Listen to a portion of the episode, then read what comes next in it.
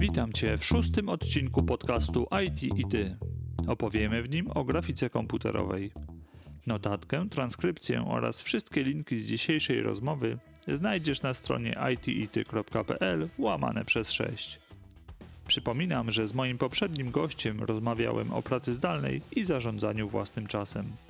Zachęcam Cię do podzielenia się opinią odnośnie tego podcastu poprzez wystawienie oceny lub recenzji w aplikacji, której używasz do słuchania. Czy tego chcemy, czy nie, technologie informatyczne to nasza codzienność. Są tak powszechne jak elektryczność.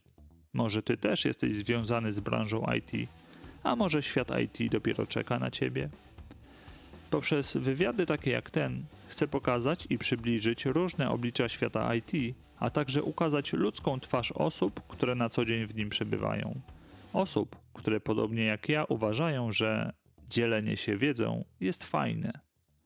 Ja nazywam się Damian Ruciński i zapraszam Cię do naszego świata. O grafice komputerowej, swoich początkach, inspiracjach i doświadczeniu w tym temacie opowie nam dziś Mateusz Staniszew. Grafik generalista z wieloletnim doświadczeniem w produkcjach TV, pasjonat grafiki, programowania oraz retrokomputerów. Cześć Mateusz. No cześć Damian, miło Cię słyszeć. Pozdrawiam oczywiście przy okazji słuchaczy naszych. Dziękuję pięknie w imieniu słuchaczy. Powiedz mi na początek, czy słuchasz podcastów i jeśli jak, to, to jakich?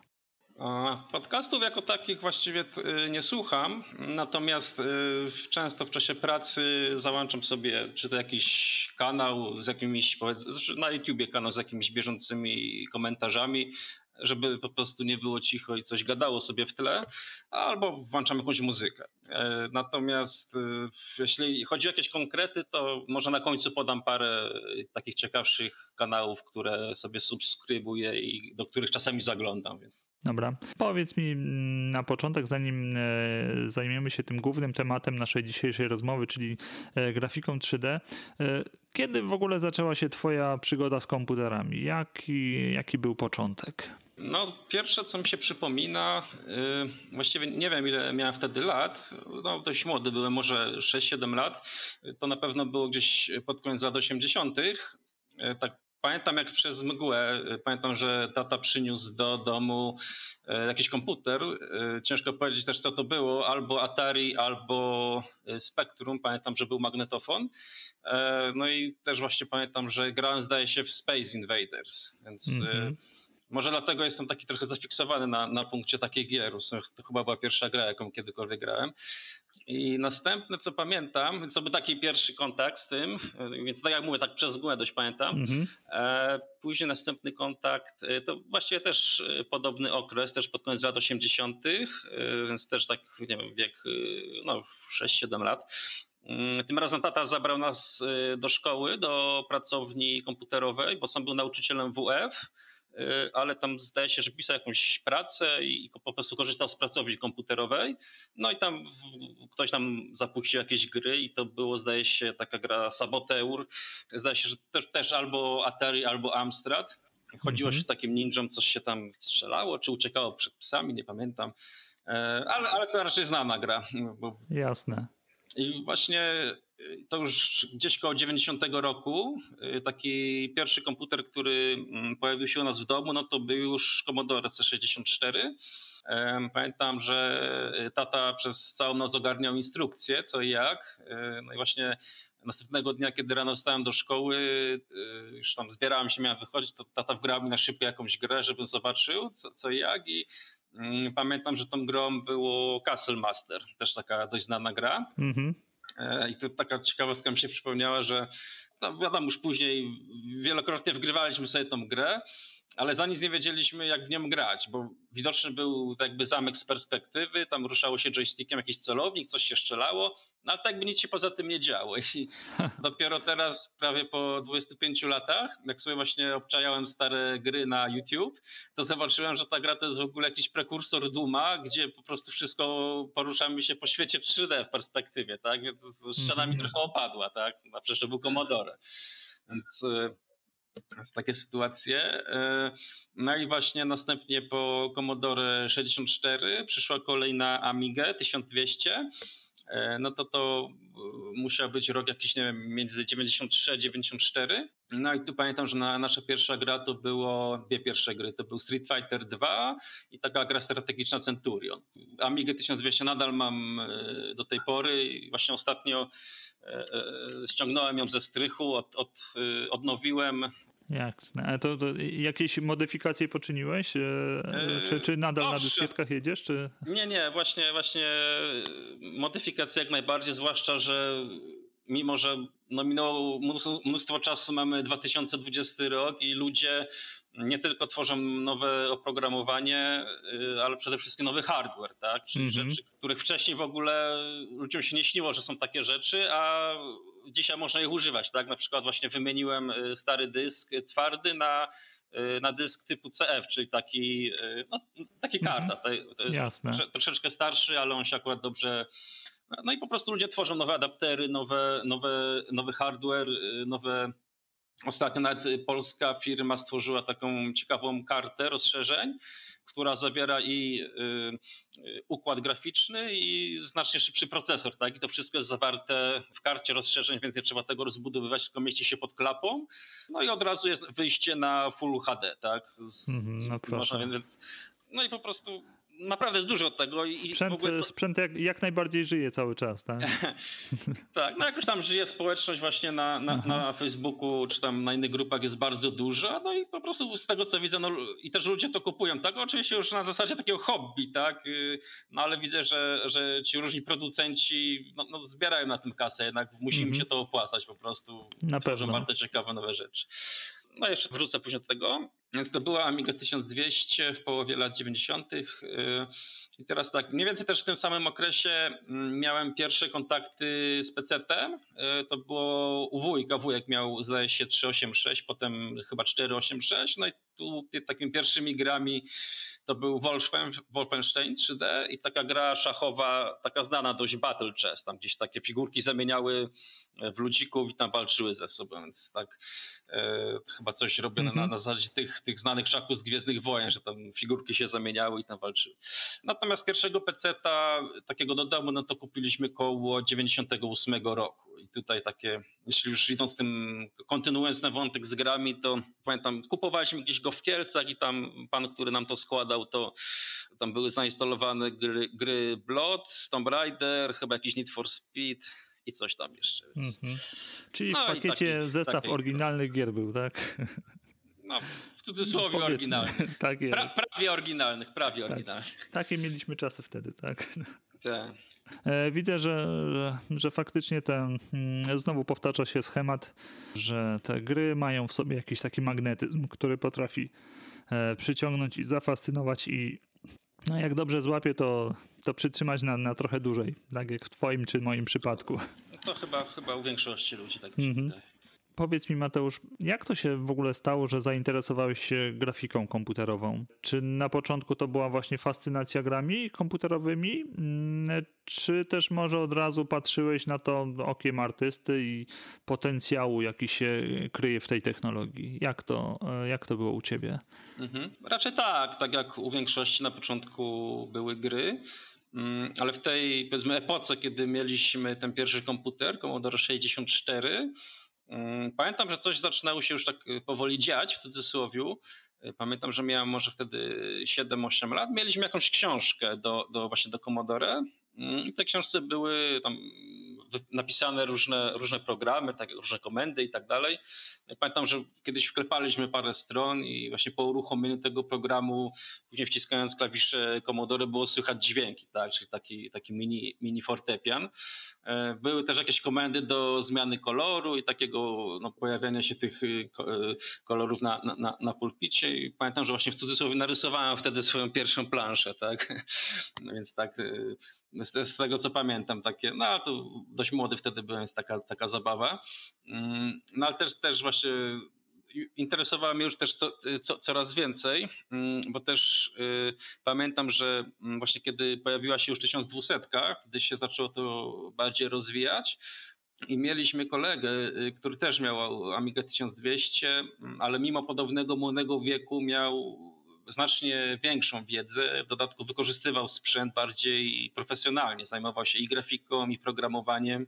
No też miał kupę takiego sprzętu, Genloki, bo to robił, pracował, zdaje się, używał tego do, do, do montowania i do wrzucania różnych rzeczy na, na, na taśmę wideo i tak dalej. No, no sporo tego miał. Mm. Właśnie pamiętam, y, jeśli chodzi o takie przejście między Commodore a, a Amigą, to właśnie pamiętam, że jak pierwszy raz do nas przyszedł, to ja się go zapytałem, y, czy, czy tu na Amidze też można pisać, tak? Ja i pisać miałem y, na myśli to, czy no coś pisywać, programować, tak? Więc już tak coś mi faktycznie interesowało, tak? to, to, to mhm. zapamiętałem. No i właśnie wracając do Amigi, mm, no to wszystko właśnie co robił ten kolega, to robiło na mnie duże wrażenie. Y, I też tak z czasem sam zacząłem się, no jak już, no już troszeczkę starszy byłem i zacząłem się początkowo bawić y, w programowanie, w języku programowania Amos. E, robiłem sobie jakieś proste programiki i też próbowałem robić jakieś pierwsze gierki. Mm, też kupiłem sobie jakąś książkę, e, uczyłem się komend, e, robiłem, no, jakieś analizowałem przykłady i tak dalej, ale też równocześnie interesowała mnie grafika. Tutaj z kolei bawiłem się programem Deluxe Paint. I tutaj też miałem pierwszy taki kontakt z animacją, ponieważ w tym programie można też było animację tworzyć. Natomiast jeśli chodzi o grafikę 3D, to ona nie za bardzo była w moim zasięgu, ponieważ do, do takiej lepszej grafiki no już potrzebna była bardziej rozbudowana Amiga, tak? Tam szybszy procesor, jakiś y, twardszy dysk, a ja właśnie na początku nie mieliśmy tego, tylko po taką podstawową jednostkę, no ale jakoś otarłem się tak o to, y, o, to, o grafikę 3D, chociażby w czasopismach, y, w niektórych grach, no i też ten, ten kolega bawił się też, też w grafikę 3D, też mnie to zaczęło fascynować. Mm. No i później, kiedy y, zaczęło się to też y, znowu bardziej rozwijać, kiedy już mieliśmy PC-ta, mm, właśnie tak się stało, że y, tata od początku chciał wykorzystywać ten potencjał tego nowego sprzętu przy prowadzeniu swojej działalności. Mm, no a ponieważ ja wykazywałem zainteresowanie, no to też bardzo dużo pomagałem mu, czy to przy pisaniu różnych e, dokumentów, e, książek, projektowaliśmy jakieś dyplomy, obróbki zdjęć. No tata też kupił i skaner, i drukarkę, więc miałem więcej wiedzy na ten temat. O więcej działów zahaczałem. Natomiast jeśli chodzi o samą grafikę 3D, to taki przełom nastąpił, kiedy mm, widziałem w jakimś demku 3D Maxa w akcji i właśnie to ktoś sobie zrobił po prostu boksa, czy tam proste padłości, ani wygiął, tak, od razu robiąc przy, przy tym animację, więc pamiętam, że szczena mi wtedy opadła, tak, że paroma klikami zrobił po prostu taką super animację. No i właściwie od tamtej pory, no to był nie wiem, chyba jeszcze przed 2000, 2000 rokiem, no to od tamtej pory do tej pory nadal pracuję na, na tym 3D Maxie. Zresztą no, to jest taki mój podstawowy program, na którym, do 3D, mhm. na którym pracuję. E, no a potem jeśli chodzi o takie inspiracje, to, to się dużo mnie inspirowały. E, na początku pamiętam, że e, to też był koło roku nie, 99, była taka znana polska animacja parodii Gwiezdnych Wojen. Pamiętam, że mnie to bardzo zainspirowało. A potem znacznie inspirowały mnie cinematiki z gier Blizzarda, na przykład Diablo, Warcraft i, i StarCraft. Mhm. Bardzo się właśnie jarałem tymi animacjami z też właśnie. Tak, na, na, tamten, na tamten czas to były takie przełomowe, że tak powiem, produkcje. Tak. No. Mhm. no. i tak, tak. To by było mhm. na tyle, jeśli chodzi o to pytanie. Okej. Okay. Mateusz, ty mm, poszedłeś taką e, klasyczną ścieżką, czyli wybrałeś studia informatyczne, e, specjalność grafika komputerowa na Politechnice. Czy te studia w jakimś stopniu rozwinęły cię? Ja tak pytam, bo patrząc z mojej perspektywy na okres studiowania, zwłaszcza informatyki, programowania, no to jednak najwięcej pracy i czasu, no to i tak trzeba włożyć w tą praktykę i godziny spędzone przed komputerem. Dla mnie osobiście największą zaletą studiowania to było to, że poznałem tam wiele wartościowych osób, e, zarówno wśród koleżanek, kolegów, jak też kadry pedagogicznej. Mm, jak to było u ciebie? No, ja interesowałem się programowaniem, y, grafiką i komputerami ogólnie, już tak y, chyba od wcześniejszych czasów. Y, no i też przynajmniej w pod koniec liceum nie najgorzej szło mi z matmy i zdaje się, że tak jakoś naturalnie wyszło, że pomyślałem o tym, żeby iść na informatykę. No i wybrałem najbliższą mi uczelnię, czyli Politechnikę Świętokrzyską. No i tak się złożyło, że postanowiłem dojeżdżać codziennie 40 kilometrów właśnie w jedną stronę i nie mieszkać w akademiku. Właśnie jak teraz na to patrzę, to zdaje się, że głównie ze względu na komputer właśnie tak, bo komputer mieliśmy w domu, a nie, nie za bardzo mogłem go zabrać. Y, y, no a z kolei też nie chciałem obarczać rodziców jakimś y, kolejnym sprzętem. I zdaje się, że drugi powód, też jak sobie przypominam, że chciałem się cały czas uczyć tej grafiki 3D, którą tam coś zacząłem się bać właśnie w liceum i właśnie chciałem to robić w domu, tak? No, myślę, że wydaje mi się właśnie, że, że jak teraz na to patrzę, to raczej dobrze wybrałem. I też jeśli chodzi o Politechnikę i, i też na początku miałem jakieś wątpliwości, ale znaczy dobrze to wszystko po, się ułożyło, bo właściwie po każdym semestrze dostawałem stypendium naukowe, właściwie już po pierwszym semestrze i, i właściwie do samego końca je otrzymywałem i no i też dzięki temu nie generowałem kosztów dla rodziców, na przykład za bilety miesięcznie, więc mogłem sobie opłacać, więc tak biorąc to pod uwagę wszystko, to na początku tak mówię, miałem trochę wątpliwości, ale, ale no, po jakimś czasie już mi przeszło i, i doszedłem do wniosku, że to jednak y, do, do, dobrze wybrałem. Mm, więc to, to, to jeśli chodzi o, ogólnie o uczelnię. Y, no i na samej uczelni z tego co mm, z tego co mi się wydaje, to najlepiej szło mi właśnie programowanie. Z innych rzeczy y, to lubiłem także SQL i projektowanie baz danych. E, no i zdaje się, że na programowaniu spędzałem najwięcej, najwięcej czasu, tak, tak jak wspomniałeś. E, to właśnie głównie ze względu na semestralne projekty. Mm, I wkładałem w nie dużo wysiłku. Pamiętam, e, starałem się dopracowywać i chciałem, żeby, no nie wiem, tam miały jakieś dodatkowe funkcje, czy po prostu no, były takie wypasione, tak. No i tam oczywiście z każdym kolejnym projektem wyglądało to wszystko coraz lepiej. I właśnie takim mm, bardzo ważnym momentem, taki powiedzmy, w którym nastąpił przełom, to było, kiedy zaczęliśmy robić projekty w C mm, związane z, ogólnie z grafiką 3D i grami. No i tutaj y, z racji tego, że no, programowanie grafiki jest dość pojemne, też y, dużo rzeczy trzeba było no, i przyuczyć się i poogarniać, że tak powiem, z różnych działów. No i faktycznie spędzałem na tym bardzo dużo czasu. A potem, kiedy właściwie już było to gotowe, tak, to, to też y, powiedzmy od siebie dorzucałem jakieś nowe rzeczy albo po prostu optymalizowałem, żeby coś jeszcze y, wyciągać z tego. I właśnie wydaje mi się, że dzięki temu chyba najwięcej się nauczyłem. I zdaje się, że mm, na ostatnim semestrze studiów inżynierskich y, mieliśmy wybrać specjalizację. Do wyboru były systemy informatyczne, chyba i grafika komputerowa. I też przyznam, że miałem zagwozdkę, bo też nie za bardzo wiedziałem czego się spodziewać. Niby w pewnym sensie cały czas y, uczyliśmy się tych systemów informatycznych, a to miał być tylko właściwie jeden semestr. Miałem taką zagwozdkę, że no nie wiem, tu, tu, tu niby uczyliśmy się cały czas z jednego działu, a potem nagle y, y, przeskoczyć na zupełnie inny. No ale jednak tak no, zdecydowałem wybrać się tą grafikę komputerową. I znowu patrząc z perspektywy, to był bardzo dobry wybór. Mm, no poza programowaniem, y, gdzie znowu uczyłem się mm, dużo ciekawych rzeczy, mieliśmy kilka zajęć związanych y, tak typowo ze sztuką. Y, no to powiedzmy taki ułamek był, tak. Jakoś nie, nie wiem, czy to jakoś bardziej wpłynęło. No po prostu taka teoria. Trochę też takich drobnych praktyk było. E, no i pod koniec na pracę inżynierską wybrałem tworzenie internetowej aplikacji trójwarstwowej, czyli tak zwanego portalu. Tak? To był taki hmm, no dość, dość popularny temat. E, niektórzy się tam z niego śmiali, ale ja specjalnie wybrałem, bo też zależało mi na tym, żeby się. Po, po, pierwsze, lubiłem to, no i po drugie, później też mi się przydało takie umiejętności, e, bo też chciałem się nauczyć robić takie dynamiczne systemy internetowe. Y, później kontynuowałem y, studia y, magisterskie też na PSK, ale to już były zaoczne. No i to był akurat kierunek elektrotechnika, więc tam nie było jakoś wiele programowania. Nie było też wiele, zbyt wiele rzeczy, które mnie jakoś interesowały. Ale z drugiej strony udało mi się podjąć pierwszą pracę zawodową i ona była związana z grafiką, więc wezmę tam studia już mi no już tak nie zwracałem aż bardzo uwagi, więc to mm. było takie uzupełnienie.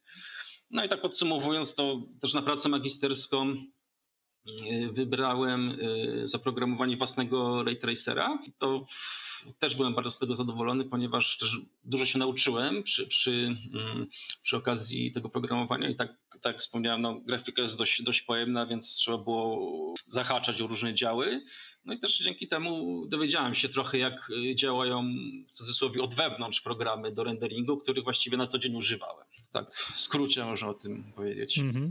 Okej. Okay. A to e, były studia pierwszego stopnia, drugiego stopnia, mm, ale jak e, później właśnie potoczyła się ta, e, ta twoja dalsza kariera? Mówisz, że złapałeś pierwszą pracę jako e, związaną z mhm. grafiką, mm -hmm. tak? I e, i już wiedziałeś od razu, że to to, że grafika to jest właśnie to, czym chcesz się zajmować? No, przyznam, że, że tak. Chociaż, y, no wiadomo, grafika jest y, do, dość pojemna, już pewnie jeszcze kilka razy mm -hmm. to powtórzę, mm, więc tam y, jakiś zakres pracy w tej pierwszej pracy no, dość odpowiadał mi, też sobie nieźle z tym radziłem. No ale tak się złożyło, że no, to była akurat praca w TFAN24, tam też oprócz samej grafiki, tak, tam pracowałem na stanowisku grafika studyjnego. No też, też była to praca dość intensywna, dość taka powiedzmy nerwowa. E, znaczy dobrze sobie radziłem, ale gdzieś tak mniej więcej po roku pomyślałem, chciałem e, czy, chyba się rozwijać trochę w innym kierunku, czy spróbować czegoś innego i właśnie mm, mniej więcej po tym roku zacząłem szukać trochę innej pracy i trafiłem do takiej firmy, w sumie też e, dzięki konkursowi. E, co prawda nie wygrałem tego konkursu, ale tam jakoś e, właśnie pamiętali o, ty, o, o tej mojej pracy i też tam dostałem się na taki, no na tak, coś na kształt stażu czy pracy i też dobrze wspominam. Nie siedziałem zbyt długo w tej pracy, ale pracowałem właśnie przy fajnych projektach reklamowych, takich jak Piwo Harnaś czy Bonduel, KFC mhm. i tak dalej, więc tam dużo się nauczyłem, jeśli chodzi na przykład o kompozycję, o post, postprodukcję. Później, jeśli już kontynuuję ten wątek, tak się złożyło, że powstawała taka lokalna stacja Tefan Warszawa i no jakoś znowu zaczęło mnie ciągnąć tak, do tego mniej więcej, co, co robiłem na początku. No ale różnica była taka, że tam oprócz takich grafik typowo studyjnych, to też zajmowałem się różnymi może nie mówić systemami, ale wymyślałem pewne takie rzeczy, pewne jakieś takie szablony, tak, żeby w pewnym sensie mm, y, urozmaicić pewne rzeczy, tak, więc y, też y, robiłem też dodatkowo takie animacje 3D, Mhm. Niektóre rzeczy robiłem tak powiedzmy z, nie z przykazu, tylko tak jakby ze swojej woli, tak? Zależało mhm. mi, żeby właśnie ten dział tak rozbudowywać, rozkręcać. Mm, w sumie przesiedziałem tam od samego początku do samego końca i no, dość dobrze wspominam. Niestety właśnie została zamknięta ta stacja. Później mniej więcej, no właśnie z biegu, z buta, można powiedzieć, zaraz po zamknięciu udało mi się y, dostać do telewizji TV Business.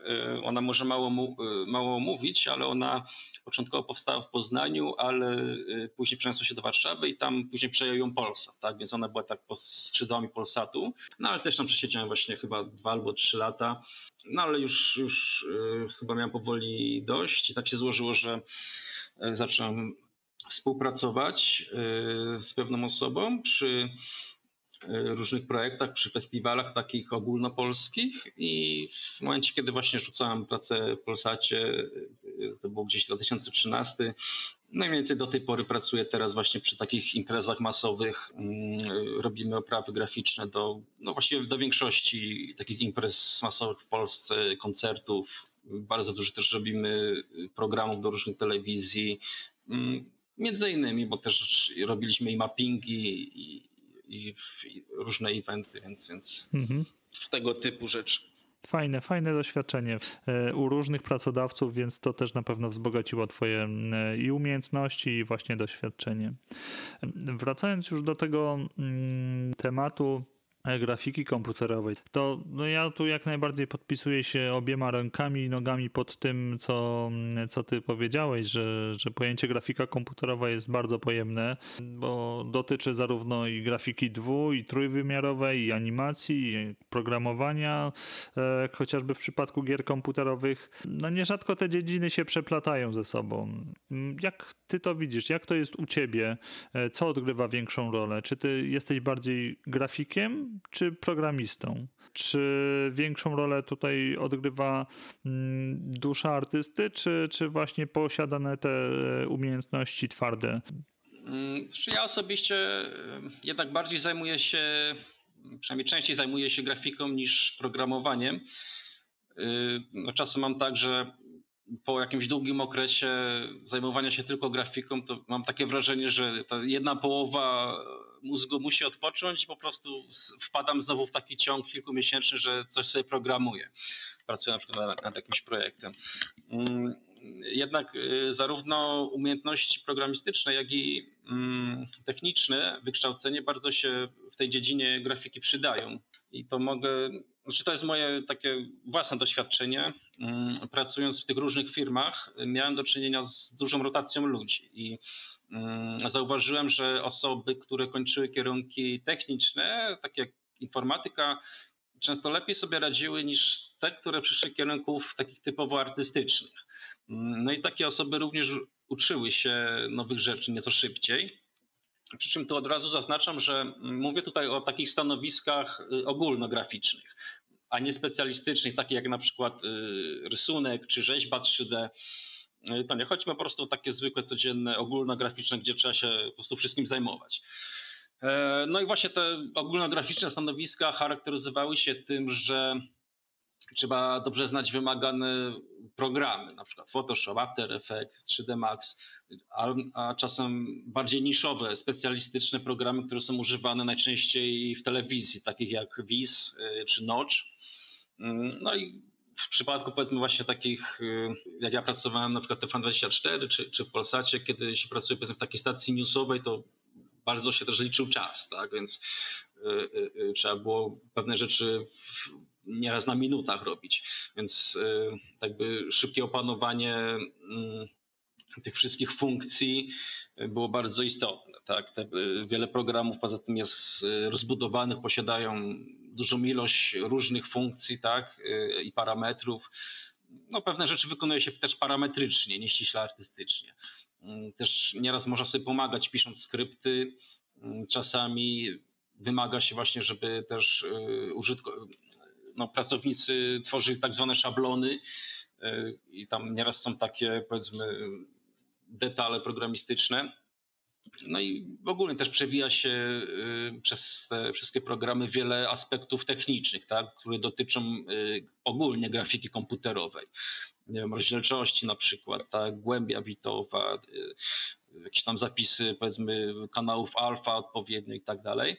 Mm, no i właśnie z tego, co zauważyłem, to wszystko sprawiało, że te osoby, które miały takie zacięcie techniczne, szybciej po prostu sobie przyswajały pewne rzeczy. Tak? Płynnie im się e, pracowało pewnie wynika być może właśnie osoby ogólnie z nastawieniem artystycznym, tak, no są powiedzmy kierunkowane nieco inaczej, tak, na inny rodzaj pracy. Mhm. Mm, no więc też, też na pewno, jeżeli jest taka osoba stricte artystyczna, no to jeżeli posiadała takie, no czy zacięcie techniczne, czy, czy takie jakieś umiejętności, no to na pewno lepiej, lepiej sobie radziła. Natomiast jeśli o mnie chodzi, to osobiście wielokrotnie łączyłem w pracy y, i nadal właściwie łączę te dwie funkcje, czyli grafika i programisty.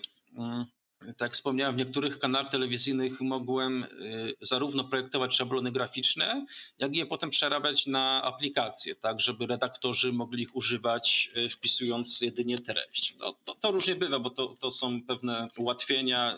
Nieraz jeśli mówimy o takich prostych, no to nieraz się to automatycznie robi, no ale niektóre były takie powiedzmy troszeczkę bardziej zaawansowane i też y, nie wszyscy sobie z nimi radzili. Więc mhm. Mm, na przykład y, w jednej ze stacji pamiętam, która tymczasowo nie posiadała jakichś tam drogich systemów, no i tam musieliśmy codziennie wykonywać taką, właściwie kilka razy dziennie musimy wykonywać taką grafikę w której pojawiało się bardzo dużo danych ze strony internetowej. I na przykład, żeby przyspieszyć tą pracę, żeby jak najszybciej, to skorzystałem z, z możliwości pisania skryptu w After Effectsie, żeby po prostu za pomocą jednego kliknięcia automatycznie pobrały się tam duża ilość danych ze strony internetowej, którą tam trzeba jeszcze było wcześniej sparsować i, i tak jakby od razu z tych danych stworzyć kompozycję i wszystko na swoje miejsce wpisać. Tak? Nie jest to mhm. oczywiście żeby było jasne, że nie jest to jakiś wymóg, tak? W pracy grafika, no bo jednak od grafika to wymagamy innych rzeczy, tak? Ale po prostu, jeśli jest taki grafik, który się właśnie ma zacięcie programistyczne, no to ma po, po prostu lepsze pole manewru, no i też trudniej taką osobę zwolnić, tak? Jasne, możesz no sobie więc... zrobić narzędzie, które za ciebie odwali trochę roboty. Tak, no jesteś powiedzmy y, mniej niezastąpiony. Mm -hmm, no, Albo inaczej, trudniej, trudniej cię zastąpić.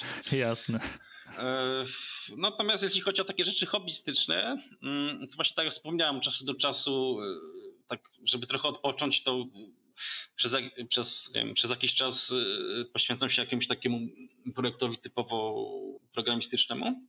No i też tworzy, tworzyłem kilka takich aplikacji. Na przykład byłem zadowolony z, z takiego, to parę lat temu robiłem taki odtwarzacz sekwencji obrazów, który on, na przykład on mi się przyda w ogóle w pracy, tak? Przez jakiś czas go używałem, ponieważ jak na przykład renderuję sobie jakąś animację czy, czy sekwencję, to zawsze renderuję do sekwencji klatek, nie jako film, po prostu jest sekwencja, każda klatka to jest osobny obrazek no i czasem, żeby to odpalić, oczywiście można sobie tam użyć After Effecta, no ale na przykład y, napisałem tą aplikację, która po prostu odpalała się i bardzo szybko y, y, kopiowała te, wczytywała wszystkie te obrazy do pamięci RAM i po prostu mogłem bardzo płynnie sobie odtwarzać to, po prostu obejrzeć.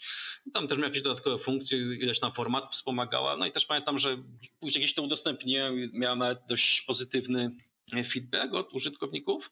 Jakiś czas temu robiłem też taki konwerter e, danych numerycznych terenu, mm, które e, zamieniały się na obiekt 3D od razu. Niby są takie aplikacje, ale szczerze powiedziawszy jakoś nie mogłem za bardzo znaleźć, a też nie chciałem płacić e, dodatkowo, postanowiłem sobie sam napisać.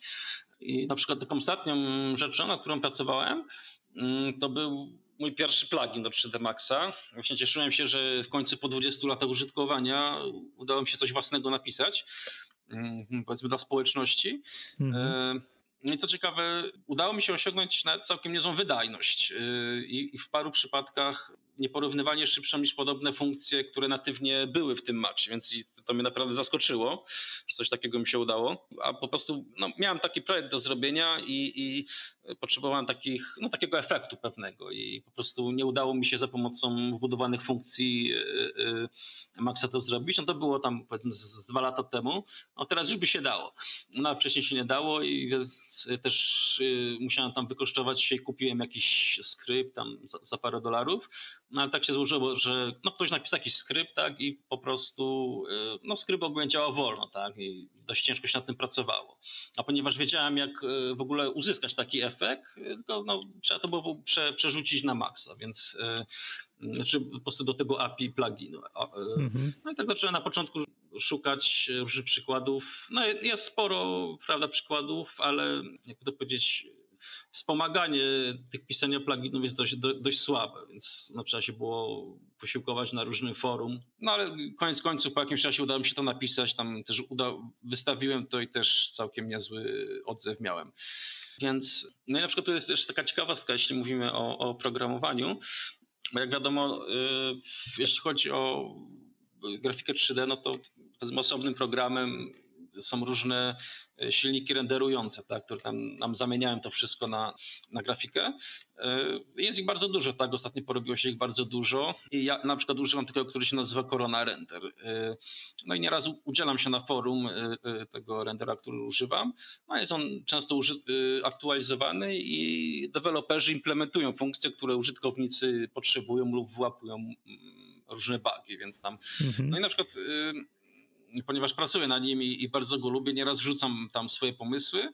No i właśnie jeszcze pracując nad tym wspomnianym pluginem, yy, zaproponowałem deweloperom takie jedno rozwiązanie, yy, które użyłem u siebie, yy, a które bardzo rzadko występuje w tych maksowych pluginach. W sumie nic wielkiego nie było, ale jakby dużo pomagało to rozwiązanie, ale, ale nie, nie, nie spotyka się tego, więc też się zdziwiłem, czemu nie chcieli tego użyć. No i tam nawet pisa, napisałem im o tym, na, dorzuciłem im nawet kod źródłowy, żeby nie musieli tego szukać. E, no i właśnie co ciekawe, deweloper się, główny deweloper nie tylko się tym zainteresował, ale prawie od razu proponował mi pracę w zespole tam gdzieś tam w Czechach u siebie. Mhm. No więc tak jak mówię, umiejętności programistyczne związane z grafiką no, dają po prostu duże, duże dodatkowe możliwości. Więc warto, jak ktoś Jasne. może, to, to, to, to, warto. Tak, no na, na, pewno im większe pojęcie tego, co się o, o, tym, co się robi, bo nie, nie tylko możesz korzystać z narzędzi, ale też wiesz, w jaki sposób one działają. Tak. I to jest ten, e, ten dodatkowy właśnie atut. Dokładnie. Tak. Mhm. Mhm.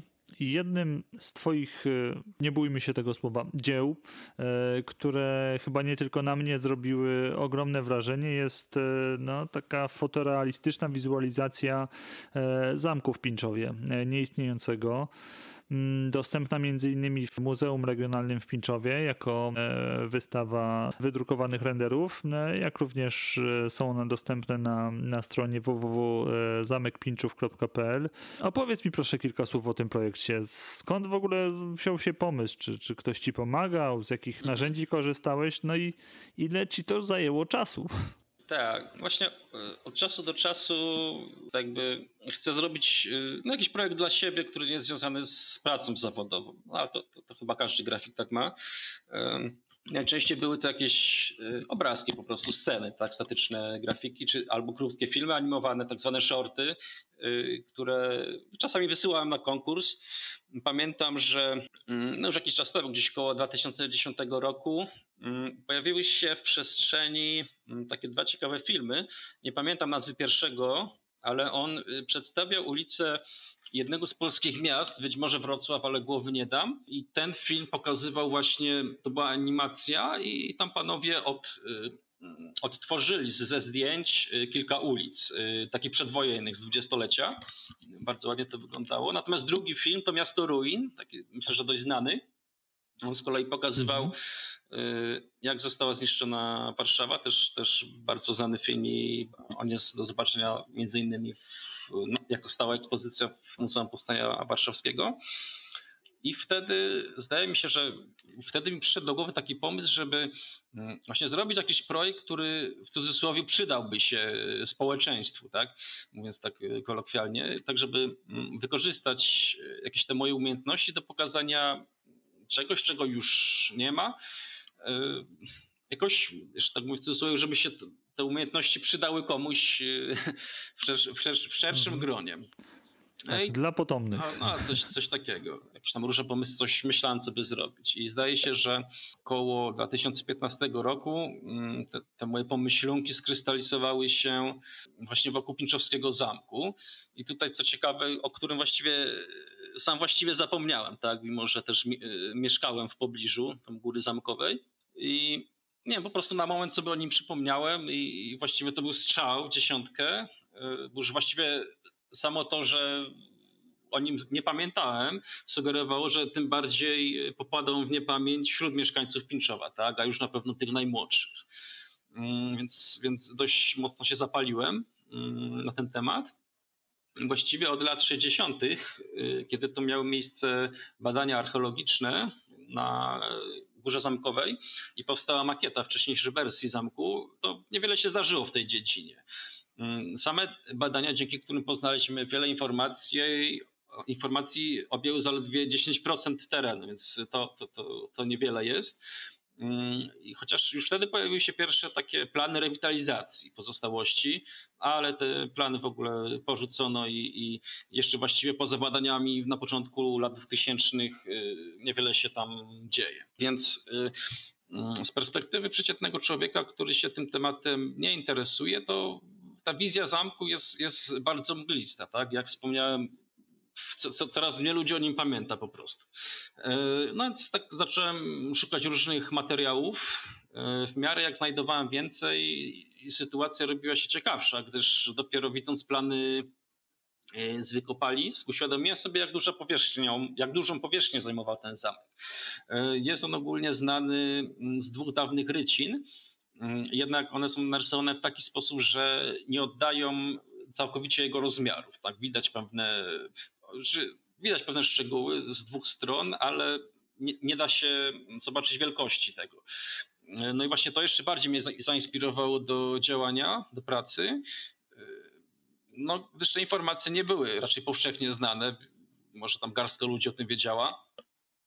I powiem, że tak jak całe życie mieszkałem w Pińczowie, właściwie też w pobliżu Góry Zamkowej, to nawet nie otarłem się o plany fundamentów zamku, tak? czy, czy jakieś mm, in, inne dokumenty. Natomiast też innym ciekawym znalewiskiem, y, o którym też nigdy nie słyszałem i prawdopodobnie nie słyszała nie większość ludzi, to były zapiski osoby robiącej inwentarz tego zamku na kilka lat przed rozbiórką. I właściwie on jest dość dokładnie opisany. Po prostu facet przechodził przez, przez cały zamek, przez wszystkie piętra, opisywał nawet Y, takie szczegóły jak ilość zawiasów w drzwiach.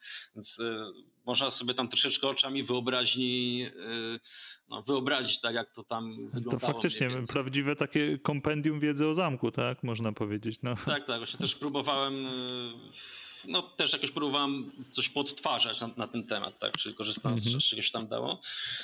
E, no i od samego początku plan był taki, żeby stworzyć e, kilka jak najbardziej fotorealistycznych ujęć tego zamku a następnie wydrukować e, w takiej specjalnej technologii Fine Art, przekazać do muzeum. Oczywiście zanim zacząłem jakiekolwiek pracę, rozmawiałem z ówczesnym dyrektorem, który to przyjął z dużą aprobatą.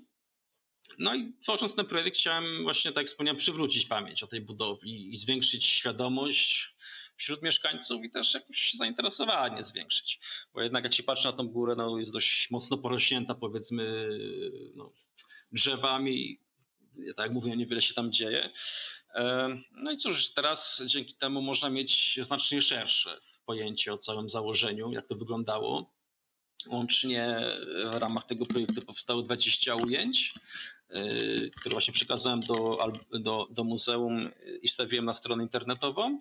E, no i też utworzyłem taki album, kalendarz na 2019 rok a na stronie internetowej oprócz tych rzeczy no, wstawiłem też tak jakby materiał, który udało mi się znaleźć, jakieś różne informacje, też sporo takich y, interaktywnych rzeczy związanych y, ze skanowaniem 3D, bo tam pewne rzeczy y, związane z zamkiem udało mi się zeskanować taką metodą fotogrametrii i też na zasadzie modeli 3D interaktywnych wrzuciłem. No wszystko tak, że prostu w cudzysłowie dla potomnych, tak, żeby mm -hmm. zwiększać i zwiększać tą, y, tą jakąś świadomość o, o, o zamku. E, no i cóż, nad, nad, cało, nad, całością pracowałem sam, e, no i też sam wszystko finansowałem. Całość zajęła mi około dwa lata, no ale to też należy pamiętać, że, że robiłem to po godzinach, tak, w wolnych chwilach, były też przerwy. Powiedzmy, jakbyś się bardziej -hmm. spiął, tak, i skompresował ten czas, to znacznie, znacznie szybciej bym się wyrobił. No jeszcze taką ciekawostkę dodam właśnie też związaną z programowaniem, mm, y, ponieważ zależało mi też na odzorowaniu terenu. Y, zakupiłem takie modele numeryczne y, terenów, mm, na których stał zamek. One powstają poprzez skanowanie LIDAR i one są dostępne w Urzędzie Kartografii w różnych formatach numerycznych. Jest też taka strona Geoportal, ona jest dość znana. Na przykład można się pobawić takiego archeologa i za pomocą tych map na przykład poszukiwać śladów po jakichś dawnych grodziskach. Już wiele takich obiektów zostało znalezionych właśnie dzięki tym mapom powstałym przez skanowanie LIDAR. Yy, przy czym yy, no ja chciałem te, te mapy mieć w dobrej jakości przede wszystkim, no i jako model 3D. Więc po prostu kupiłem je sobie y, w formacie takim numerycznym, no i trzeba było je przekonwertować na, na, na model. No ale tak jak wspomniałem, nie mogłem znaleźć żadnego programu, a, a tym bardziej płacić z jakąś licencję, więc no, a z racji tego, że format pliku był dość prosty, na, postanowiłem napisać własny taki konwerter, yy, dodatkowo opakowany w, w zgrabny interfejs, yy, no, który to mi zamieniał od razu na obiekt 3D, a potem też go udostępniłem. Gdzieś tam wrzuciłem, zrobiłem jakiś tutorial. Yy, no cóż, można jeszcze dużo mówić w tym temacie zamku, mam tam jakieś pomysły, Mo, może coś kiedyś jeszcze uda mi się zrobić. Jak e, wspomnieliśmy, Mm, grafika komputerowa to to również animacje. Na tym polu też tam wspominałeś, że robiłeś jakieś shorty, więc no, pracując w telewizji też siłą rzeczy e, liznąłeś trochę tego tematu, masz niemałe doświadczenie. Jakie inne umiejętności w stosunku do takiej statycznej grafiki 2D są potrzebne przy tworzeniu animacji e, za pomocą komputera?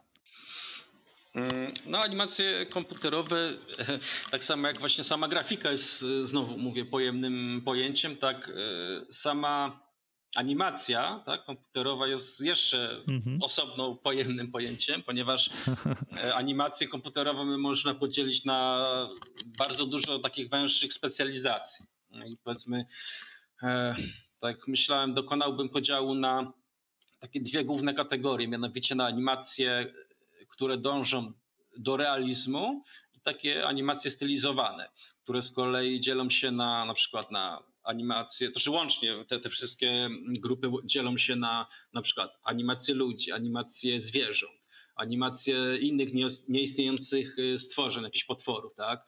na animacje obiektów, na animacje mechaniczne, na tak zwane infografiki, czyli jakieś animacje informacyjne, na animacje destrukcji, na wybuchy, na ogień, na ciecze, na animacje abstrakcyjne. I właściwie każdy, każdy z tych działów, które wymieniłem, to jest y, trochę inna działka. I, i tak by każdy z tych działów ma swoje wymagania, więc y, jest tego troszeczkę. Natomiast jeśli miałbym to właśnie skondensować, to takim mm, głównym elementem, który łączy te wszystkie mm, rodzaje, jest umiejętność wyczucia mm, timingu i tempa. To jest dość, dość chyba najbardziej kluczowa, najbardziej kluczowe umiejętności w pracy animatora, czyli taki timing, tempo. I też zauważyłem to pracując w tych y, wielu różnych miejscach, y, u osób, które nie miały doświadczenia z animacją, na przykład mm, no jakaś animacja była technicznie była poprawna, ale złe wyczucie czasu y, czyniła ją nieczytelną, tak? albo dość obniżała jej wartość. No więc to, to pewnie, no, tak jak mówię, dość duży dział, pewnie trzeba by się mm, głębiej za, za, zagłębić w to. Mm, Natomiast wydaje mi się, że y, najtrudniejszym działem jest wszelka animacja postaci, tak? zwłaszcza jeśli y, dążymy do, do takiego realizmu, no ale też animacja postaci stylizowanych, czyli takich kreskówkowych też, te, też y, jest dość trudna i no, wymaga chyba najwięcej wprawy i takiego najbardziej artystycznego podejścia. Ale też jakby to nie jest wszystko, ponieważ mm, animacji tworzy się również poprzez tak zwane animacje parametryczne, tak? E, a także symulacje. E, I tu z kolei e, dobrze, jeżeli te zdolności artystyczne łączą się z umiejętnościami technicznymi. Animacje destrukcji to najczęściej są symulacje różne fizyczne, tak? Na przykład wybuchy, mm -hmm. ogień, tutaj też się symuluje, tak samo ciecze, inaczej się, inaczej się mm, tak pracuje z ogniem, inaczej się pracuje z cieczami.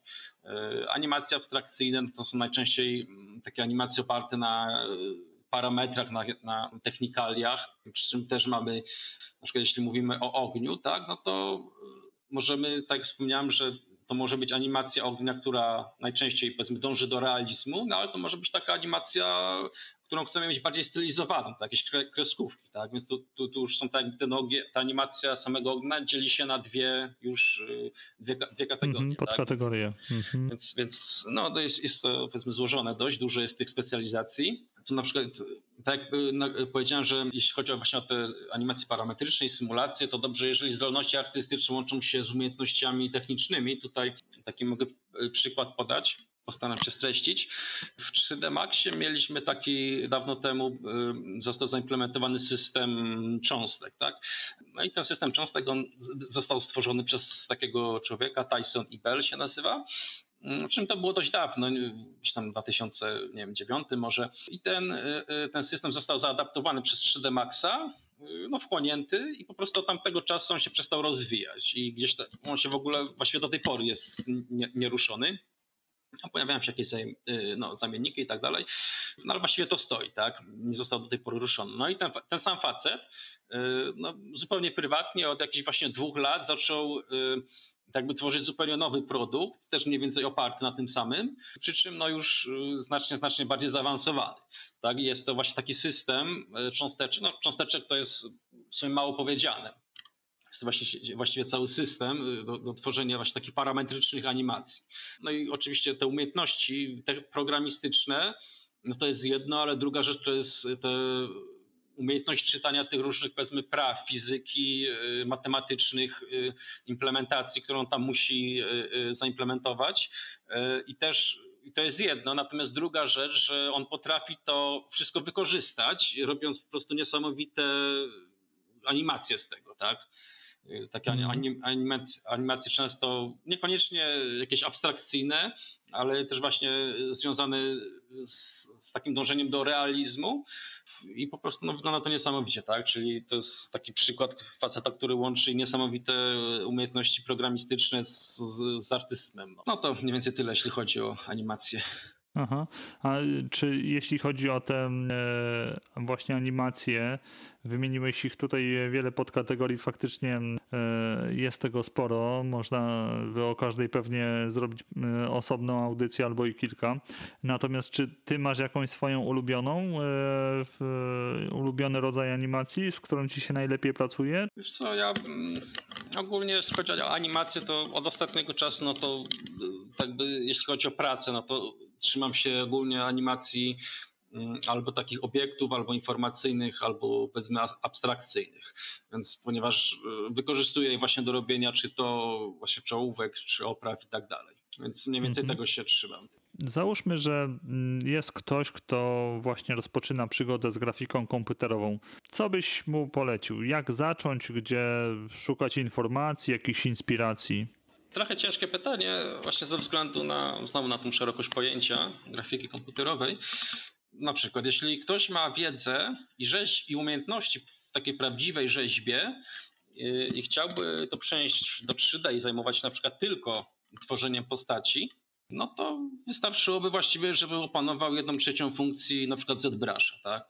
Jeżeli zatrudni się jako specjalista w dużej firmie w tej dziedzinie, no to jeszcze też nie musi się martwić o żadne koncepty, o tworzenie tym postaciom jakichś materiałów, czy, o, czy jak zmienią topologię siatki, bo będą się tym zajmować po prostu osobne działy. Tak? No, ma się zająć po prostu tym, tą działką powiedzmy ZBrush'a. Prawdopodobnie skoro ma podstawy takie e, typowe, e, których się nauczył, no to szybciej mu przyjdzie też nauka tego, więc e, no tak jak mówię, w wąskiej w takiej specjalizacji trochę łatwiej się czy łatwiej? No, łatwiej się skupić na czymś konkretnym. E, bo na przykład jeśli o mnie chodzi, to e, ja, tak jak wspomniałem trochę, na początku chciałem, mm, zafascynowały mnie takie różne animowane filmiki, tak? I ja chciałem też robić takie filmiki. I więc starałem się tak by uczyć kolejnych rzeczy, y, które mi były potrzebne do realizowania tych y, kolejnych pomysłów. No i też, jak również wspomniałem wcześniej, pomagałem tacie przy tworzeniu różnych graficznych elementów, obróbce zdjęć, więc y, tak by, no też, też siłą rzeczy musiałem się trochę z tych dziedzin pouczyć. No i to spowodowało, że nie jestem takim typowym specjalistą w jakiejś konkretnej wąskiej dziedzinie, tylko bardziej generalistą, czyli tak powiedzmy ogarniam, e, ogarniam jakąś większą przestrzeń. Ma to takie zalety, że jeżeli pracuje się w mniejszych firmach, gdzie nie ma właśnie poszczególnych działów, e, no to jestem w stanie dzięki temu tworzyć e, większe projekty od początku do końca, więc to te, te, też jest jakiś plus właśnie w mniejszych firmach. Mhm. No i też mogę powiedzmy wykonać nieraz to co, to, co chciałbym od początku do końca. Nieraz przy jakimś przyuczeniu się, y, no ale powiedzmy, wiem, co, pra, co prawie piszczy, tak? Więc, więc łatwiej mi też y, czy tam przeskoczyć z jednego działu na drugi, tak? Mam tak troszeczkę mhm. szerszą wiedzę niż wąską. Y, no i też, nie wiem, to co mógłbym poradzić, to mm, no tak jak mówię, wszystko w zależności od, od, od, potrzeby, no ale na przykład takie kursy w stylu ASP, mm, tak żeby załapać pewne uniwersalne umiejętności, na przykład w dziedzinie kompozycji obrazu, koloru, technik, bo to się to jakby mm, przewija w, w wielu, wielu dziedzinach. No tak mówię, reszta po prostu zależy od działu, który nas y, interesuje. Niektóre wyspecjalizowane takie rzeczy, to żeby się ich nauczyć, no to oczywiście można sobie poszukać różnych kursów online, y, tutoriali, no i praktykę tak, i testy. Mm, kursów online jest właściwie bardzo dużo i tu, tu różnie bywa. Najlepiej prześledzić sobie kilku autorów. Jest wiele darmowych, bardzo dobrych kursów, a na przykład niekoniecznie te, za które zapłacimy, też, też będą jakieś super.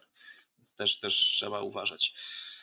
A taką powiedzmy uniwersalną radę, jaką mi przyszło do głowy, to jest, mm, ja często właśnie stosuję, że jeżeli zaczynamy pracę z jakimś nowym programem, to powiedzmy po pierwszym odpaleniu, żeby mm, zamiast bawić się samemu tym programem, coś tam klikać, czy próbować koniecznie coś zrobić na siłę, czy poznawać samemu funkcje, wydaje mi się, że lepiej będzie, jeśli przerobimy kilka oficjalnych lekcji czy tutoriali.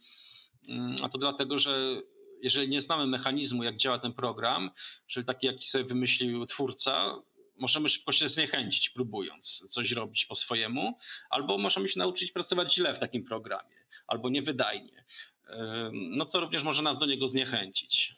No, poza tym mogą nam umknąć jakieś różne ważne skróty czy triki, także polecam na początku jakąś właśnie oficjalne takie mm, tutoriale. Mhm. No to tutaj to potwierdzam, potwierdzam jak najbardziej to, co mówisz. Sam e, robiłem dwa czy trzy podejścia do Blendera, nie no, odpalałem no, żadnego tutoriala. Miałem o Blenderze, że to jest taki duży przykład. Aha. A jak z y, perspektywy lat y, oceniasz tę profesję, którą wybrałeś? Czy jesteś zadowolony z wyboru? Jak, jeśli tak, to co ci daje największy fan w tym, w tym co robisz?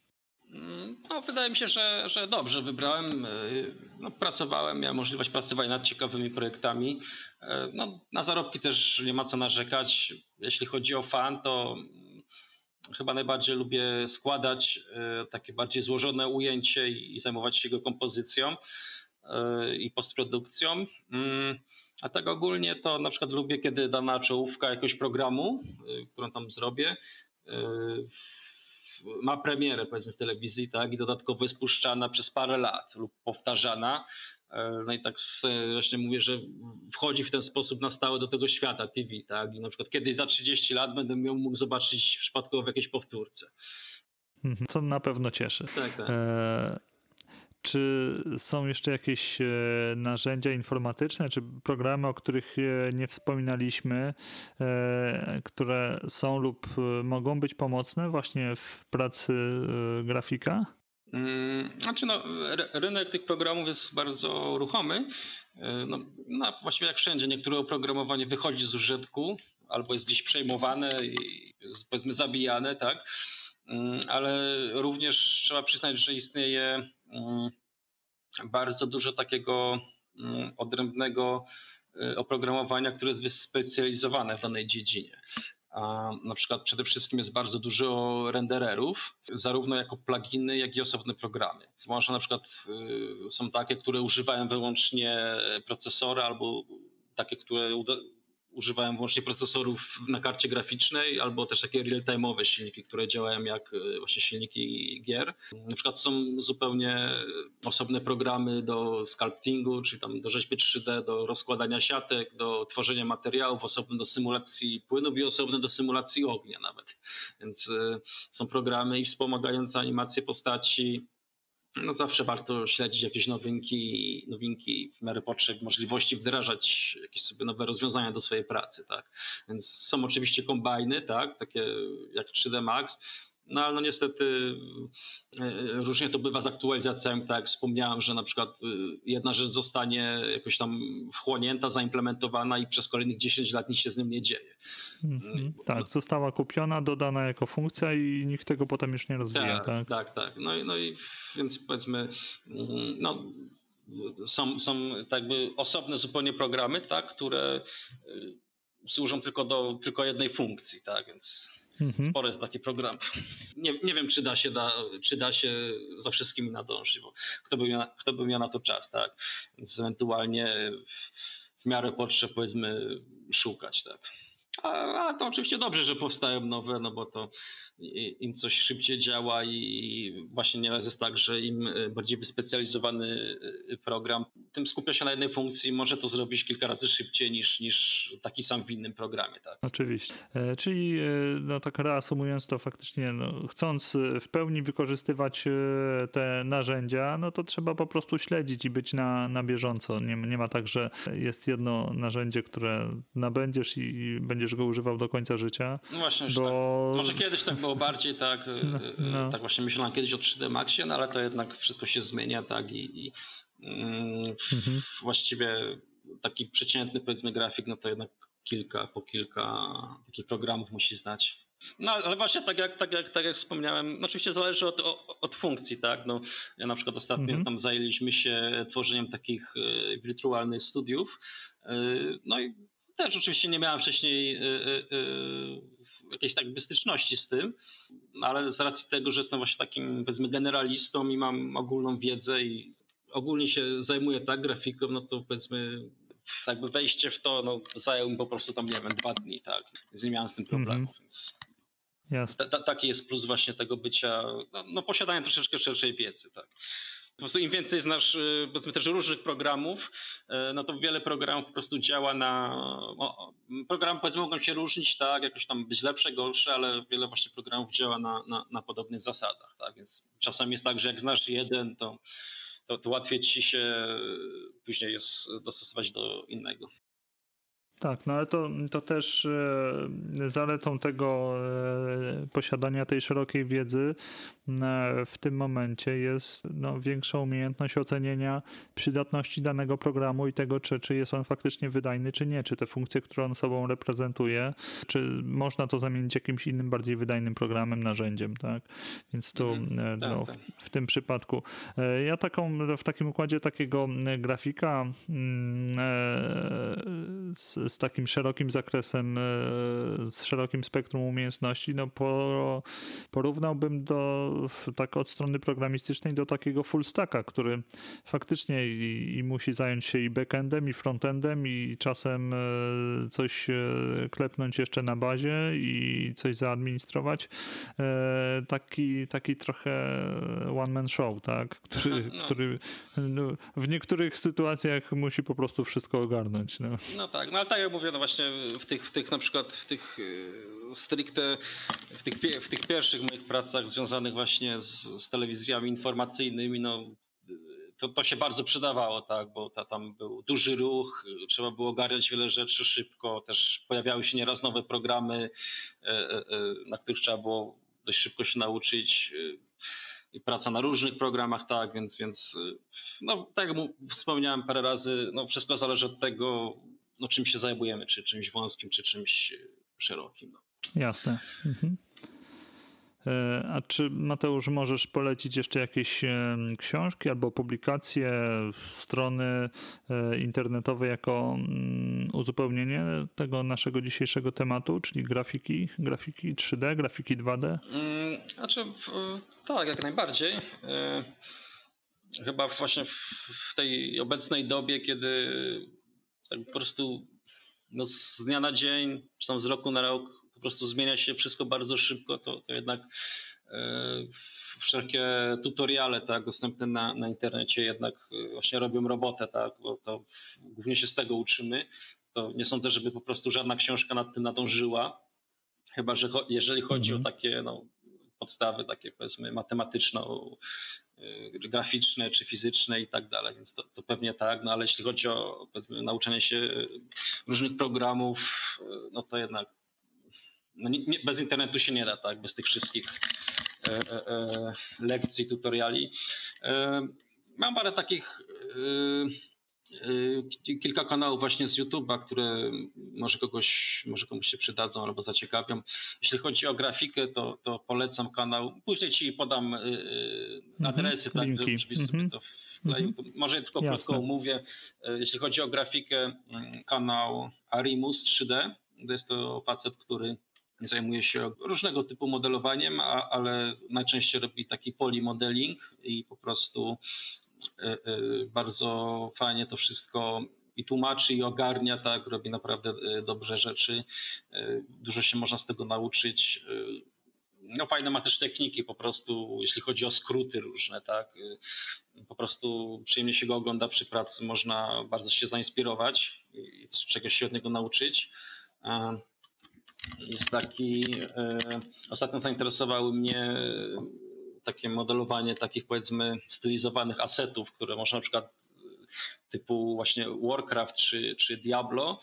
E, mam na myśli takie właśnie mm, stylizowane powiedzmy fantasy elementy e, i tutaj e, nawet można sobie z ciekawości zobaczyć, polecam takie dwa kanały 3DX albo REM 118 Mm, I też, też y, właśnie to jest takie potwierdzenie, że właśnie mm, panowie, którzy robią sobie takie asety, które na przykład mogą być od razu do wykorzystania w grach, no, korzystają z trzech różnych programów, tak?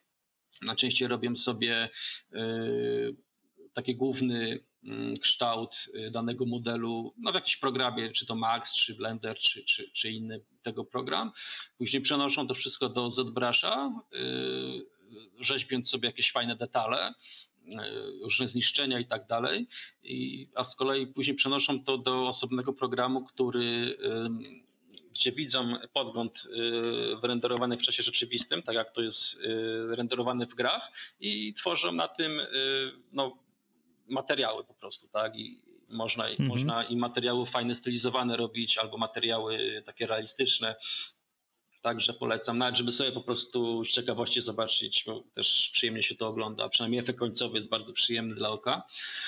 E, a z takich właśnie powiedzmy podcastowych rzeczy, o których wspomniałeś, ja co prawda no, mm, mm, jakoś niespecjalnie może słucham, ale jeśli chodzi o, tak, e, o takie rzeczy związane mm, z grafiką, ale taką bardziej e, filmową, to, to polecam taki kanał Alana McKay.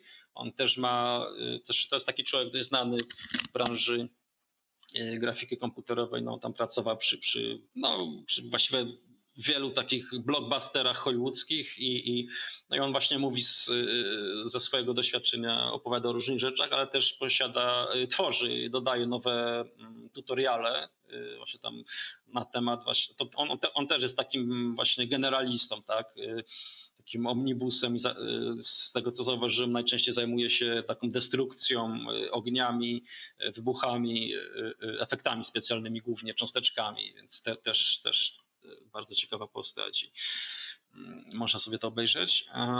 Natomiast z takich programistycznych rzeczy to też mam parę kanałów, do których czasem zaglądam na przykład, czyli Tomato Noodle. E, on e, porusza rzeczy związane z, e, głównie chyba z DirectX odnośnie no, takie grafiki programowanej właśnie typu gry, silniki. Podobnie jest The Cherno Project. To jest no, też taki dość przyjemny kanał, dobrze się go ogląda. On jest skupiony właśnie na C++ i, i dużo rzeczy związanych z C++, ale także właśnie rzeczy związanych z programowaniem e, silnika własnego e, i, i różnych właśnie mm, aspektów z programowaniem grafiki real-time'owej. Bardzo fajny kanał jest Jevit X9 to polecam ogólnie. Tutaj pan y, programuje w takim, y, to jest taki jakby, jest gotowy silnik taki pikselowy po prostu, który działa w konsoli, tak? No i tam po prostu ma funkcję do tworzenia pikseli, tak? Czy pojawiają się piksele i po prostu, czyli no po prostu tak, bazowy pikselek, tak? I on po prostu na tym bazowym Aha. Y, interfejsie implementuje przeróżne algorytmy, tak? na przykład y, czy tam jakieś fizyczne, czy, czy dzielenie jakiejś powierzchni, czy, czy rysowanie różnych takich skomplikowanych rzeczy, tak? I świetnie to widać, ponieważ tak, tu, tu nie mamy grafiki 3D, tylko on to wszystko robi w tej takiej dwuwymiarowej grafice, więc to pod względem takim mm, no, do uczenia się jest bardzo przydatne. I też taki fajny programik mam, y, nie programik, tylko stronkę, E, na tej stronce jest e, kilka takich artykułów, gdzie facet programuje tak zwany silnik, ale soft render, tak? czyli oparty na, nie oparty na, na, na ani na, na API karty graficznej, tak? czyli żaden OpenGL mhm. czy DirectX, tylko po prostu programowalny renderer, tak? gdzie mamy tam rasteryzację trójkątów, te wszystkie y, sposoby, które po prostu wcześniej gry powstawały w ten sposób, tak? więc y, powiedzmy, no, silnik, który można zaimplementować powiedzmy na każdej platformie, tak, od podstaw. Ba bardzo, mhm. bardzo pouczające, też nawet sobie y, programowałem coś takiego. Zupełnie z ciekawości można sobie po prostu taki swój silniczek zrobić i po prostu dodawać kolejne rzeczy, jakieś cienie, filtrowanie, tak? I to wszystko jest po prostu tak piszemy ręcznie, tak? Sami to tworzymy, bardzo fajnie. To by były takie mniej więcej te mm, takie, no, takie, które jakieś tam polecam, można sobie zobaczyć. No i tak jeszcze e, na sam koniec y, y, y, może właśnie wspomnę o takich, może kogoś, o takich dwóch rzeczach wspomnę, może, nie wiem, może kogoś albo zainteresują, albo może zainspirują. Jedna rzecz będzie taka na czasie, a druga trochę retro. E, właśnie jeśli chodzi o tą pierwszą rzecz, taką bardziej na czasie. Na czasie miałem niedawno możliwość, e, no też przyjemność e, potestowania sobie Oculusa Quest. Nie wiem, czy kojarzysz, to jest, znaczy Oculusa pewnie kojarzysz, natomiast mhm. Oculus Quest to jest tak jakby samodzielny zestaw, on składa się z, z gogli i z dwóch kontrolerów. Nie potrzeba do niego komputera, ale, ale oczywiście można komputer do niego podłączyć. I po prostu on ma też tam wgrane na stałe y, wiele przykładów. Oczywiście tam ma wbudowane Wi-Fi, można sobie różne gry czy programy właśnie VR y, instalować i bawić się w to. No i przyznam, że tak jak ciężko by czymś y, zaskoczyć, no to po bawieniu się tym, no to miałem po prostu szczękę opadniętą. Zaskoczyła mnie przede wszystkim dokładność tego wszystkiego. Mm, że tam na przykład, wiesz, siedzisz w tym wirtualnym świecie, widzisz sobie te swoje rączki, łapiesz na przykład za, za broń, no i na tyle jest to dokładne, że możesz po prostu wziąć ten karabin i przycelować yy, yy, tak jak w rzeczywistości przez muszkę i szczerbinkę, tak? Możesz się tak nawet, mm-hmm. czy to nawet, nie wiem, jakieś, wiesz, ktoś do mnie strzelał pociskami, a ja się mogłem, wiesz, yy, kłócać, uchylać przed tymi pociskami, no po prostu niesamowite no chwilę się tam tym bawiłem, no ale, ale e, bardzo duże wrażenie na mnie to zrobiło. No i też sobie myślałem, że może sobie na gwiazdkę coś takiego kupię. No i właśnie od razu automatycznie oczywiście musiały mi się pojawić e, e, pomysły, co by, czy, czy, czy może by z tym jakoś coś porobić, tak? No i tak wspomniałem. Do, do czego to wykorzystać? Mhm. Właśnie, więc od razu pierwsze, co mi przyszło do głowy, to żeby ten zamek zrobić w taki sposób, tak? Więc żeby... Wirtualny spacer po zamku, tak? Tak. Czy, czy też może jakieś e, średniowieczne walki? No może nawet nie tyle walki, wiesz, bo też bardziej natomiast Aha. Y, wiesz, samo to jakby mm, utworzenie tego projektu, to znaczy no musiałbym go od nowa robić mniej więcej, bo tam troszeczkę inaczej trzeba by to mhm. zrobić, no ale wiesz, y, możliwość y, popatrzenia z perspektywy z różnych tych widoków, tak?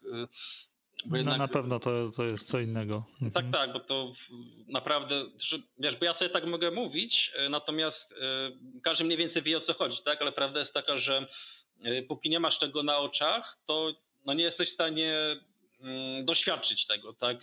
A no, mówię, no i tu masz, wiesz, masz obraz stereograficzny i naprawdę po prostu po chwili zapominasz, że jesteś, wiesz, gdzieś tam w pokoju, tylko jesteś w tym świecie i po prostu... Przenosisz się tam. Mhm. Dokładnie, więc to, to póki tego sam nie doświadczysz, to, to, to wiesz, no ja mogę sobie gadać, tak, no ale co innego jest zobaczyć, a, a ty też wcześniej, wiesz, w ogóle się tym nie interesowałem, a, a w tą pierwszy raz to sobie założyłem, no to jest naprawdę, jest różnica, tak, mhm. więc... E, no fajnie by było coś takiego zrobić, te, to, to, taki zamek, tak, no oczywiście tutaj tak by inny poziom szczegółów by musiał być, no pewnie też musiałbym się Unreala nauczyć. Pytanie, czy by to uciągnęło, no ale to już inna kwestia. No i wiesz, no i też na zasadzie powiedzmy ufundowania takiego zestawu z działającym programem, no to wiesz, te, też jest duża rzecz, bo no gdzie masz coś takiego, tak? Nie widziałem, żeby coś mm -hmm. takiego było. Więc też duża sprawa. No nie jest, no to wiesz, pomyślę, może kiedyś zobaczymy jak to wyjdzie. E, no jasne, a to, to, to faktycznie e, pomysł, e, fajnie, że się tym podzieliłeś, bo, bo to jest bardzo fajny pomysł i będę ci bardzo kibizował w tym, żebyś to tak, no, gdzieś to tam tak zrealizował. Mówię, na razie jest gdzieś tam no. pomysł, gdzieś tam taki odległy, tak, bo to zanim w ogóle, wiesz, przyszłoby do, do realizacji, no to trzeba by się tam napakować wiedzą troszeczkę.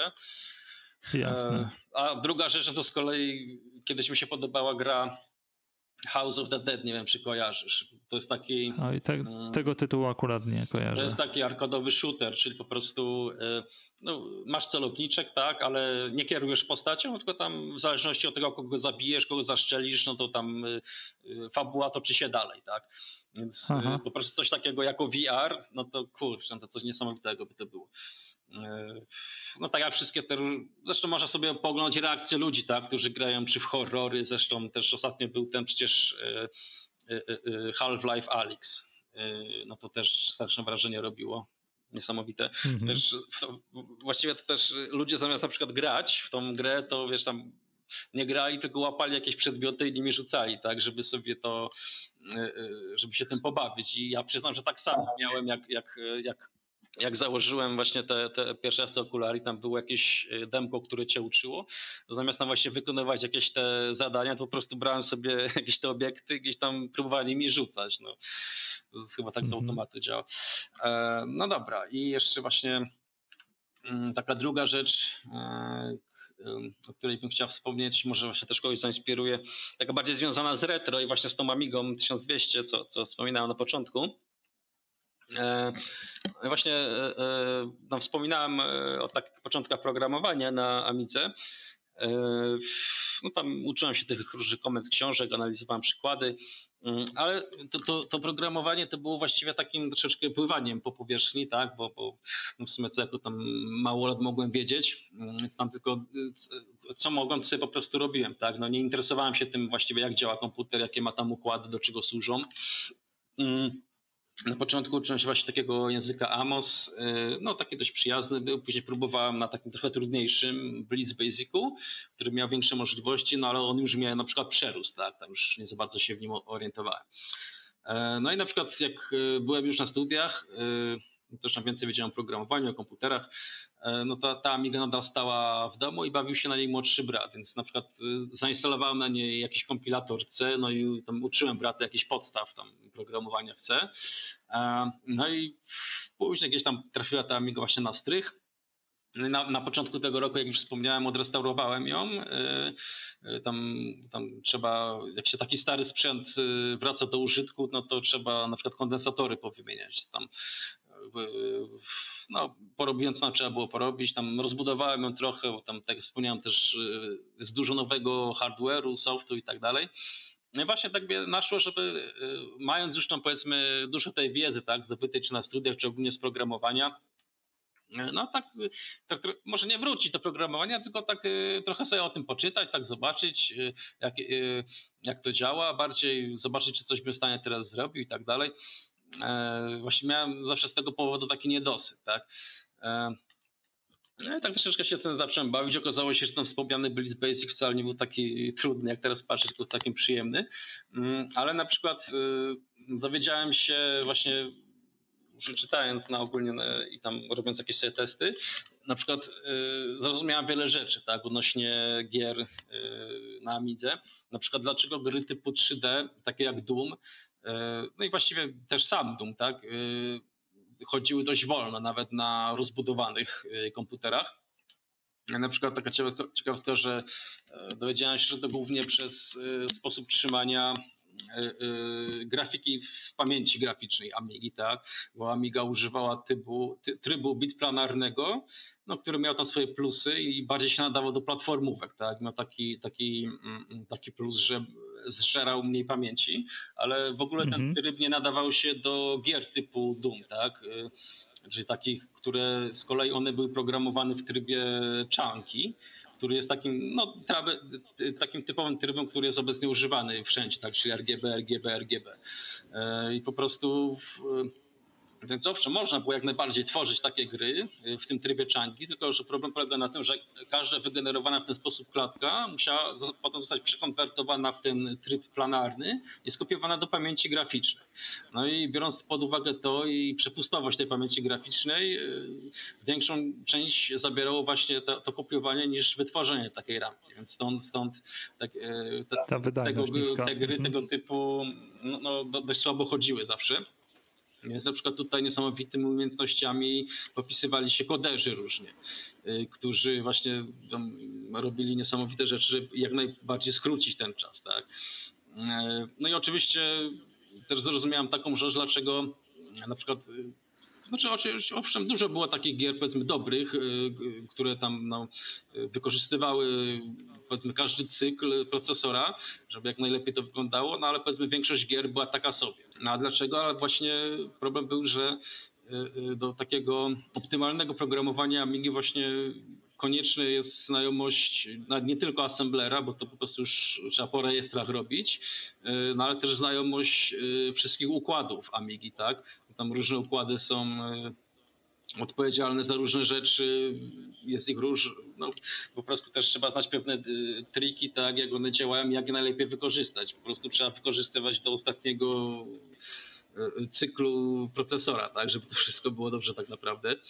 Mhm. E, no i po prostu, czy tam na przykład, chyba że ktoś ma no tak powiedzmy, lepiej rozbudowany ten sprzęt z szybkim procesorem albo z kartą graficzną, no to wtedy no, można sobie tam y, no, korzystać z jakiejś biblioteki i pozwolić na coś innego. No ale też tak zauważyłem, że jednak no, programowanie na Amidze no, to, to nie jest łatwa sprawa. Tak? To jest po prostu jest tyle, jest jest takie zamotanie, jest tyle y, sposobów, y, bo można pod systemem programować albo, albo właśnie walić po rejestrach.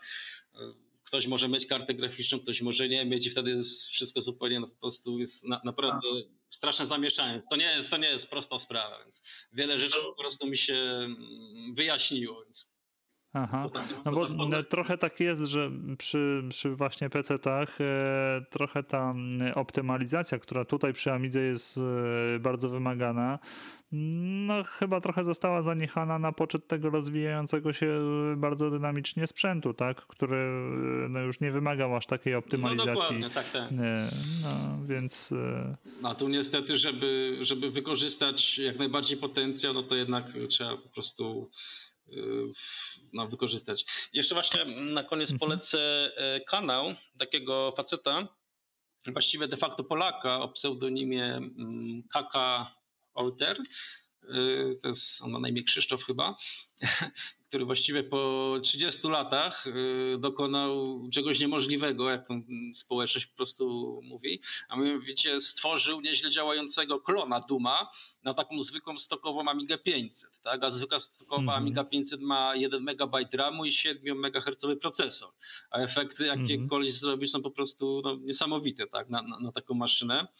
Człowiek ma po prostu niesamowitą znajomość y, hardware'u, y, na takim poziomie, że że nawet podobno wykorzystał jakieś błędy w architekturze e, e, komputera na swoją korzyść.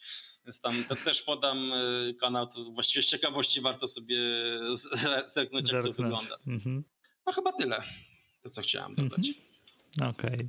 No, powiedz mi, gdzie jeszcze ciebie można znaleźć w, w sieci, albo czy tak fizycznie, jakby ktoś się chciał z tobą spotkać? Znaczy, no, fizycznie to, to mieszkam w Warszawie, natomiast y, w sieci to mam swoją stronkę www.mateuszstaniszew.pl. No, czasami ją aktualizuję. E, a na tej stronie też można znaleźć odnośniki do jakichś innych moich kont y, w innych serwisach, więc jak komuś się chce, to może tam zajrzeć. Mateusz, dziękuję Ci bardzo za rozmowę. Bardzo e, bogatą wiedzę posiadasz na temat grafiki we wszystkich e, jej aspektach. E, życzę Ci, aby te Twoje mm, plany związane, czy to właśnie z VR-em związanym z, ze spacerem po zamku, czy, czy, czy też innych projektach, których się podejmujesz, jak najbardziej wypaliły i, no i przyniosły Ci tak samo wielki fan podczas robienia i podczas potem e, używania czy, czy prezentowania tego. E, jeszcze raz dzięki wielkie za rozmowę. No, dzięki, dzięki również bardzo. A na koniec e, poproszę Cię jeszcze o to, abyś podzielił się z nami, jeśli posiadasz coś takiego w swoim zanadrzu, jak dowcip albo anegdotę o informatykach. Aha. A, hmm. no, wydaje mi się, że z tego co, z tego co pamiętam, czy tam czasem czytam, to większość dowcipów o informatykach jest dość sucha. E, natomiast mm. z tego co mi się udało e, znaleźć, to dużo lepsze są memy o tej tematyce, więc e, ogólnie jak ktoś chce, to polecam poszukać sobie paru memów. Niektóre są naprawdę fajne. Natomiast jeśli chodzi o anegdotę, nie wiem co prawda, czy to się mieści w ramach anegdoty, ale mój kod do domofonu do mieszkania to 2049. Więc za mhm. każdym razem, jak, za każdym razem jak go wpisuję, to czuję dyskomfort, tak? ale, ale przynajmniej łatwo jest zapamiętać. Jasne. Okej. Okay. Dobra. Jeszcze raz dzięki. Wszystkiego dobrego. No, dziękuję. No, na razie. Dzięki. To wszystko, co dla Ciebie przygotowałem w tym odcinku. Podsumowując. Termin grafika komputerowa jest bardzo pojemnym określeniem. Kryje się pod nim m.in. grafika 2D, 3D, animacja, gry komputerowe. Potrzeba naprawdę dużo czasu, aby stać się specjalistą w którejś z podkategorii, a co dopiero, gdy chcemy swobodnie poruszać się po różnych dziedzinach tego oceanu możliwości. Mateusz jest przykładem na to, że jest to możliwe. Wiąże się to jednak, jak większość zagadnień związanych z technologiami informatycznymi, z ciągłym rozwojem. Gdy jednak wejdziesz do tego świata, na pewno nie pożałujesz. Zachęcam Cię do podzielenia się opinią odnośnie tego podcastu poprzez zostawienie komentarza na stronie podcastu, w mediach społecznościowych bądź wiadomość e-mail na adres damianmałpa.itity.pl. Już teraz zapraszam Cię do wysłuchania kolejnego odcinka, który jeśli wszystko dobrze się ułoży, ukaże się za dwa tygodnie. Aby mieć pewność, że go nie przeoczysz, subskrybuj podcast IT i Ty już dziś. Jeśli nie wiesz jak to zrobić, zapraszam na stronę itity.pl łamane przez subskrybuj. Ja nazywam się Damian Ruciński i mówię Ci do usłyszenia. Pa pa!